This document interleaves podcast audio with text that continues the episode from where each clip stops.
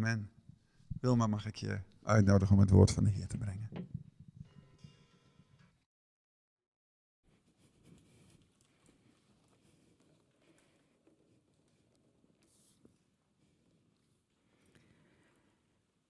Ja, goedemorgen ook namens mij. Wat een speciale dienst hebben we vanochtend. Met zo'n breed publiek. Luisteraars via Smelne FM, kijkers thuis via de livestream. En hier elkaar ontmoeten in de zaal. Wat fijn om weer eh, bezoekers in de zaal te hebben. Om elkaar weer te zien en te ontmoeten. Maria die noemde het ook al. Als, er weer, eh, als het weer begint, je ontmoet elkaar weer, dan besef je pas hoe, hoe je dat uh, gemist hebt. En onze God is ook een God van ontmoeting.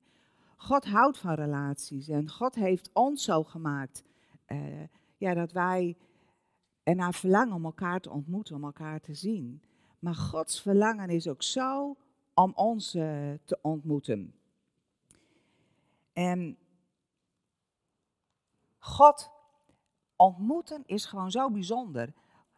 Geloven is niet alleen een kennis, maar geloven is ook het kennen van God, van hart tot hart. Om dicht bij God te zijn, van Hem te horen en van Hem te ontvangen.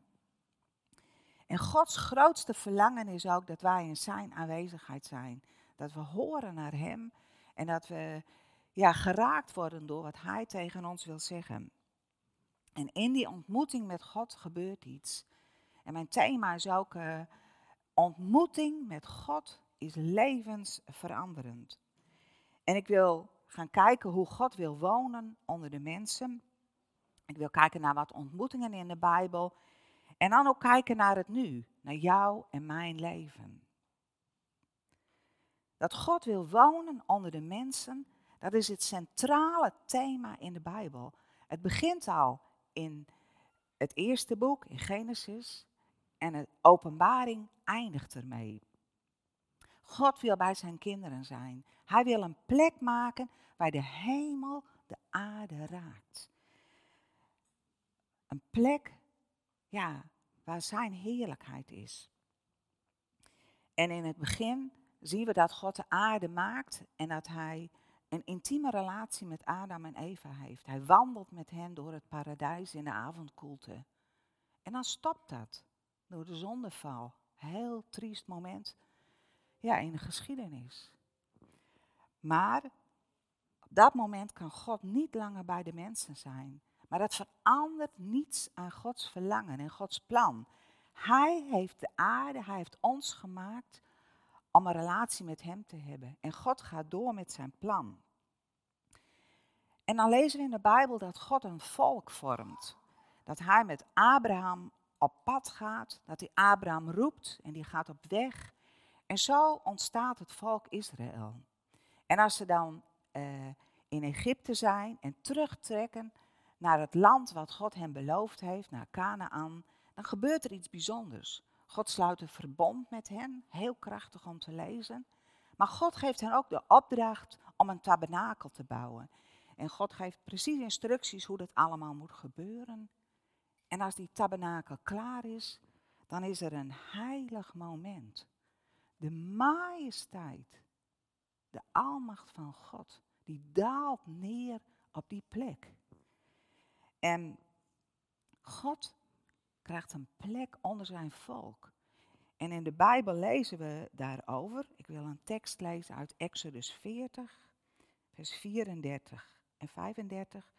Toen werd de ontmoetingstent overdekt door een wolk en werd de tabernakel gevuld door de majesteit van de Heer. Mozes kon de ontmoetingstent niet meer binnengaan, want de wolk rustte daarop en de majesteit van de Heer vulde de tabernakel. Dat moet indrukwekkend geweest zijn. Dat Gods majesteit neerdaalde op de aarde. En dat, en dat Mozes niet meer binnen kon gaan. En we lezen later ook, als Mozes wel weer die ontmoetingstent binnengaat, dat de heerlijkheid van God op hem komt. En dat hij zo straalt dat de mensen het niet aan kunnen zien. Hij moet een doek over zijn hoofd doen. De heerlijkheid van God komt tastbaar op Mozes. Dan neem ik jullie mee wat verder in de tijd en dan ga ik naar koning David. Koning David, die heeft de stad Jeruzalem gebouwd. En hij heeft een paleis voor zichzelf gebouwd. En het is zo zijn verlangen dat ook de heerlijkheid van God daar in Jeruzalem komt. Hij heeft de ark teruggebracht en hij wil heel graag een tempel bouwen voor God. Maar hij krijgt geen toestemming van God. Maar hij krijgt wel een belofte. Zijn zoon Salomo mag de tempel bouwen. Nou, en als je dat leest, is ook zo'n bijzonder verhaal. Hoe die tempel gebouwd wordt. Eh, er zijn zoveel bijzondere aspecten. Hoe, hoe grote rotstenen genomen worden en hoe die ingevoegd worden. Het doet zo denken, wij zijn ook allemaal rotstenen. We worden niet allemaal eerst bewerkt, maar we worden samengevoegd tot Gods lichaam. Maar dat zie je ook in die tempel. Zulke bijzondere dingen als je daarover leest. En dan is de tempel klaar. En dan roept Salomo de leiders bij elkaar. En dan is er opnieuw een heilig moment. De ark wordt binnengebracht. En opnieuw komt de heerlijkheid van God komt op aarde en die vult de tempel. En als de priesters naar buiten komen, kunnen ze niet langer op hun voeten staan. Zo aanwezig is de heerlijkheid van God. En daar wil ik ook een tekst over lezen. En dat staat in 1 Koningen 8, vers 10 en 11. Zodra de priesters uit het heiligdom naar buiten kwamen, vulde een wolk de tempel van de Heer. De priesters konden hun dienst niet meer verrichten, want de majesteit van de Heer vulde de hele tempel.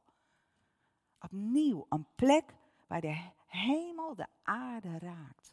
En een plek waar God komt wonen onder zijn volk. God gaat door met zijn plan. En ook in het Nieuwe Testament zien we dat God doorgaat. En weer op een hele andere manier. Dan komt de Heer Jezus naar de aarde. Hij komt wonen in ons midden. Het woord wordt leven. En de Heer Jezus is Immanuel, God met ons. En in het leven van de Heer Jezus, daar zie je de heerlijkheid van God. Daar zie je de kracht van God. Daar zie je ook de verbondenheid met de Vader. De heerlijkheid van God werkt door de Heer Jezus heen. En mensen worden geraakt door zijn woorden, door zijn daden, door de wonderen, door zijn wijsheid, door zijn liefde. In de Heer Jezus komt God heel dichtbij. Maar God wil nog dichterbij komen. En dan hebben we Pinksteren. En dan komt de Heilige Geest op aarde. En hij komt wonen in ons mensen. Is dat niet wonderlijk? De grootheid van God, de heerlijkheid van God, het leven van God komt in ons allemaal die bij God horen. Hij wil een plek in jou. Niet omdat je zo bijzonder bent, maar omdat je in Christus bent. Omdat God je apart heeft gezet en je rein heeft gemaakt. En Hij wil in jou wonen. En ik wil een tekst daarover lezen in, uit 1 Korinthe 3, vers 16. En daar staat, weet u niet dat u een tempel van God bent en dat de geest van God in uw midden woont. God woont niet langer in een tempel, maar wij vormen die tempel. Wij persoonlijk, ieder van ons persoonlijk, maar ook wij samen als het lichaam van Christus. God houdt ervan als zijn kinderen bij elkaar zijn. Als, uh, dat nou via livestream is of de radio, welke mogelijkheden we maar hebben op dit moment of in deze zaal. God is bijzonder aanwezig als je bij één bent in zijn naam. Dan is er een heerlijkheid van God die, ja, die krachtig is, die ons, die ons raakt, die, die leven geeft. En in de Bijbel vind je voorbeelden van ontmoetingen die levens veranderen. Zelf vind ik het heel bijzonder hoe Nathaniel verandert. Het lezen in het Nieuwe Testament dat Filippus, die heeft de Heer Jezus ontmoet en die is er helemaal vol van. En die gaat naar Nathaniel toe.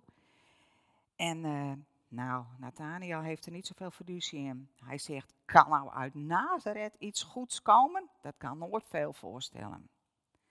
Maar dan ontmoet hij Jezus. En daar gebeurt iets. Jezus vertelt dat hij Nathanael zag zitten onder de vijgenboom. Nou, op zich al bijzonder. Maar vooral in de ontmoeting met de Heer Jezus wordt iets in hem geraakt. Want hij is om. In één keer is hij om. En dan zegt hij, u bent de zoon van God. U bent de koning van Israël. Zo kan de ontmoeting met God een hart veranderen. Dat je opeens weet, dit is waar. Het maakt niet uit waar de Heer Jezus vandaan komt. Hij is waar, hij is krachtig, hij is levend. Nou, en een, een heel ander krachtig voorbeeld is de ontmoeting die Paulus heeft met de Heer Jezus. Hij is op weg naar Damascus en hij is een vol vuur om de christenen te vervolgen, om ze te doden en om al die volgelingen van Jezus een kopje kleiner te maken en te stoppen wat daar aan de gang is. En dan is hij daar onderweg en Maria heeft het zo straks al gelezen. En dan gebeurt er iets bijzonders. Hij ontmoet Jezus. Hij wordt geraakt door de woorden van de Heer Jezus. En weet je, Paulus, die kent de geschriften. Hij is doorlegd, hij, hij heeft erin gestudeerd. En hij gaat niet eerst nu alle uh, schriften opnieuw bestuderen, maar de ontmoeting met Jezus raakt hem diep in zijn hart. En niet alleen in zijn hart, we lezen ook over Paulus dat hij uh, in zijn lichaam geraakt wordt. Hij is uh, een aantal dagen blind. Maar zijn leven in één ontmoeting is totaal anders. Want hij heeft de levende Heer Jezus ontmoet. En hij ging begrijpen wat waarheid is en wie de waarheid is. Een ander verhaal uit de Bijbel, wat ik zelf ook heel bijzonder vind, is de ontmoeting die de Heer Jezus heeft met de Samaritaanse vrouw. deze vrouw gaat op het heetst van de dag naar de bron om water te halen. Ze doet dat omdat ze zich schaamt en omdat ze niemand anders uh, wil ontmoeten. Uh, nou, niet best om, uh, als je daar in het Midden-Oosten geweest bent, om daar op het heetst van de dag met een kruik water te lopen. En dan ontmoet ze daar de Heer Jezus en ze raken met elkaar in gesprek. En eerst lijkt het een beetje of ze langs elkaar heen lopen, uh, praten. Maar dan zegt de Heer Jezus iets wat haar, uh, wat haar raakt. Hij zegt, hij deelt iets over haar leven. Hij zegt iets over de mannen die zij heeft gehad. En hij vertelt dat hij de Messias is. En daar gebeurt iets bijzonders bij deze vrouw omdat ze de Heer Jezus ontmoet, omdat ze de Messias ziet. En ik wil daar ook over lezen uit de Bijbel, uit Johannes 4, van, en dan begin ik bij vers 10. En er staat, Jezus zei tegen haar, als u wist wat God wil geven en wie het is die u om water vraagt, zou u hem erom vragen. En dan zou hij u levend water geven. Maar heer, zei die vrouw, u hebt geen emmer en de put is diep. Waar wilt u levend water vandaan halen? U kunt er toch niet meer aan Jacob, onze voorvader. Hij heeft ons die put gegeven en er is zelf nog uit gedronken. En ook zijn zonen en zijn vee. Iedereen die dit water drinkt, zal weer dorst krijgen, zei Jezus. Maar wie het water drinkt dat ik hem geef, zal nooit meer dorst krijgen. Het water dat ik geef zal in hem een bron worden waaruit water opwelt dat eeuwig leven geeft. Geef mij van dat water, Heer, zei de vrouw, dan zal ik geen dorst meer hebben en hoef ik ook niet meer hierheen te komen om water te putten. En toen zei Jezus tegen haar, ga uw man eens roepen en kom dan weer terug. Ik heb geen man, zei de vrouw. U hebt gelijk als u zegt dat u geen man hebt, zei Jezus. U hebt vijf mannen gehad en degene die u nu hebt, is uw man niet. Wat u zegt, is waar. En daarop zei de vrouw, nu begrijp ik, Heer, dat u een profeet bent. En ik ga even verder in vers 25. En de vrouw zei, ik weet wel dat de Messias zal komen. Dat betekent gezalfde. Wanneer Hij komt, zal Hij ons alles vertellen. En Jezus zei tegen haar, dat ben ik, degene die met u spreekt. En dan vanaf vers 28. De vrouw liet haar kruik staan, ging terug naar de stad en zei tegen de mensen daar: Kom mee, er is iemand die alles van mij weet. Zou dat niet de Messias zijn? En toen gingen de mensen de stad uit naar hem toe. Wat een verandering zie je in dit gesprek. Er vindt op een gegeven moment een echte ontmoeting plaats. Deze vrouw hoort wat de Heer Jezus tegen haar zegt. Haar, oren gaan open, haar hart gaat open. En opeens weet ze, dit is degene waar wij altijd al naar uit hebben gezien. Dit is de Messias. En ze, ze laat haar waterkruik staan, want ze houdt zich niet meer met gewoon water bezig, maar ze gaat voor het levende water, wat de Heer Jezus wil geven. En ze rent terug naar de stad en roept naar iedereen wat zij heeft meegemaakt.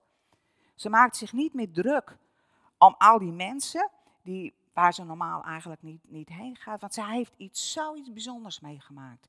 Dat wil ze met iedereen delen. Dat wil ze, dat wil ze niet voor zichzelf houden. Zo verandering in haar leven. Door de ontmoeting met Jezus. Ze krijgt opnieuw hoop. Ze, krijgt, ja, ze heeft iets om voor te leven. En zij mag in die relatie met de Heer Jezus verder gaan. Nou, dat zijn een paar voorbeelden uit de Bijbel. Je kunt er zelf nog veel meer vinden. In het Oude en in het Nieuwe Testament staan voorbeelden. En uh, ik daag je uit, zoek ze en lees ze en laat ze tot je doordringen. Ik herken dat ook in mijn eigen leven. Dat, je, dat dingen in je leven veranderen als je de Heer Jezus echt ontmoet. Als je echt een ontmoeting met Hem hebt. Maar toen ik de Heer Jezus leerde kennen, ik had altijd over Hem gehoord. Maar het waren woorden, totdat je Hem echt ontmoet. En je leven aan Hem, toen ik mijn leven aan Hem gaf. En ik weet ook nog twee gebeurtenissen heel goed. Op een keer dat ik die liet bidden, uh, dat, dat God mijn vader zou zijn. Dat wist ik ook in woorden, maar ik wist het niet in mijn leven. En dat is voor me gebeden en het heeft mij zo geraakt. Dat God een vader is die van me houdt, die er is. Waarbij ik mezelf mag zijn, die me nooit alleen laat. En die ontmoeting met een vader, die is nooit meer weggegaan. De zekerheid dat er een vader is, dat weet ik nu niet alleen in woorden, maar ik ken hem als mijn vader. En dat is ja, zo krachtig voor mij in mijn leven.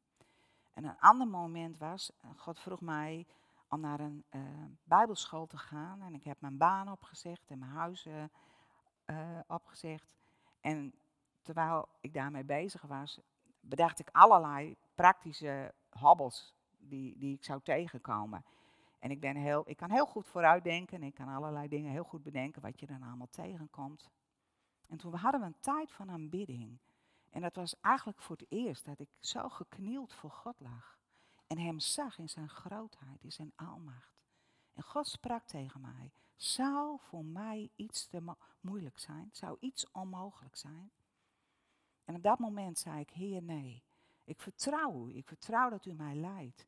En dat heeft mij geholpen toen, maar nog steeds. Dat ik mijn vertrouwen op God stel en dat ik met Hem kan leven. Wat geweldig om zo te leven. En ik denk dat we allemaal onze, als ik dit zo vertel, dat jullie allemaal gebeurtenissen hebben in je leven die van, ja, van levensbelang zijn, die een verandering hebben gebracht, een verdieping in je geloof, misschien een keerpunt in je leven. Heel bijzonder. Maar God wil er ook elke dag voor ons zijn. God wil ook elke dag uh, ja, ons ontmoeten. Hij wil uh, zijn, zijn liefde met ons delen. Dus niet alleen die, die speciale momenten, die komen heel vaak over je. Daar doe je niet iets voor. Maar God wil elke dag zichzelf aan jou laten kennen. Woorden van leven tot je spreken, woorden van liefde. En die ontmoeting met God kan je dag veranderen. En de sleutel is dat je je niet richt op alles wat je verkeerd doet, maar dat je je richt op God, op wie Hij is en wat Hij aan je wil geven. Op wat Hij je wil vertellen, waar Hij je wil raken. God wil jou ontmoeten, daar waar jij bent. En als je het pittig vindt, dan kun je, kun je de dag ook met God beginnen. Dan kun je zeggen, Heer, wilt u bij mij komen? En dat kan wezen dat je dag totaal verandert. Niet omdat de situatie verandert, maar omdat God bij je is. En omdat God je een andere kijk geeft om iets te doen. Een paar weken geleden, toen uh, had ik het wat pittig. Ik, ik vond dingen moeilijk. En uh, had, ik een, uh, een, had ik tijd met God. En God zei tegen mij, je, je voelt je net een stengel die, die buigt en die ook wel kan breken. En God zei tegen mij, ik wil jou een metalen omhulsel geven. Ik wil helemaal om jou heen zijn, zodat je staande blijft. Dat je, dat je dingen kunt weerstaan. En tegelijkertijd zal ik jou van binnen krachtig maken. Als het ware die pit en die stengel, die zal ik van binnenuit krachtig maken. Het heeft mij zo bemoedigd dat uh, in de dingen waar ik uh, voor stond, dat ik wist van, wauw, ik, ik voel mezelf uh, zwak, ik voel mezelf nou, falen. En God zegt tegen mij, ik ben je kracht, ik omhul je en ik werk in jou. Het heeft mij zo geholpen om dingen te weerstaan en staande te blijven in, in de beloften van God.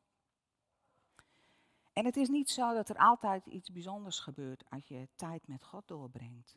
Soms gebeurt er helemaal niks. Maar dan mag je ook weten dat God er is. Want dat belooft Hij. Hij belooft dat Hij bij je is. En als je Hem zoekt, zal Hij altijd aanwezig zijn. En soms mag je gewoon rusten in Zijn aanwezigheid. En voor ons allemaal is de manier waarop je God zoekt verschillend. Voor de een zal dat in de natuur zijn, die zo geraakt wordt door wat God gemaakt heeft. Of door de muziek dus vanmorgen dat prachtige lied horen van Amazing Grace. Wat kan dat je raken? Wie God, ja, hoe God ons getrokken heeft. En dat we bij Hem mogen horen. En voor weer iemand anders is het misschien in kunst. Zoek de manier die bij jou past. En waarin jij tijd met God kunt doorbrengen. Hoe je, waarin je God kunt ontmoeten. Want God komt daar waar Hij een open hart zit, ziet. En daar wil God zichzelf bekendmaken. God wil leven aan je geven. God wil kracht aan je geven. Hij wil tot je spreken. Hij wil je bemoedigen. Hij wil ja, het vuur van wat in hem leeft, dat wil hij in jou leggen. Dat wil hij in ons leggen. De Heilige Geest heeft een plek in jou. En de Heilige Geest maakt de gedachten van God bekend. Hij maakt ze levend voor jou. Hij maakt ze persoonlijk. En God weet wat je vandaag nodig hebt. En hij wil het je geven. Hij weet het morgen opnieuw. En elke dag mag je van hem ontvangen. God wil je leven veranderen. Hij wil een keer brengen in de dingen die, die je tegenkomt, omdat hij er is. En als je die, dat keerpunt al beleefd hebt, dan mag je verder trekken met hem. En steeds meer van, van de heerlijkheid van de hemel ontvangen. In de hemel zijn hemelse schatten die God wil geven. En hij zoekt naar mensen die ze willen ontvangen. Die hun hart willen openen, hun leven willen openen, zodat hij kan geven. Zullen we samen bidden?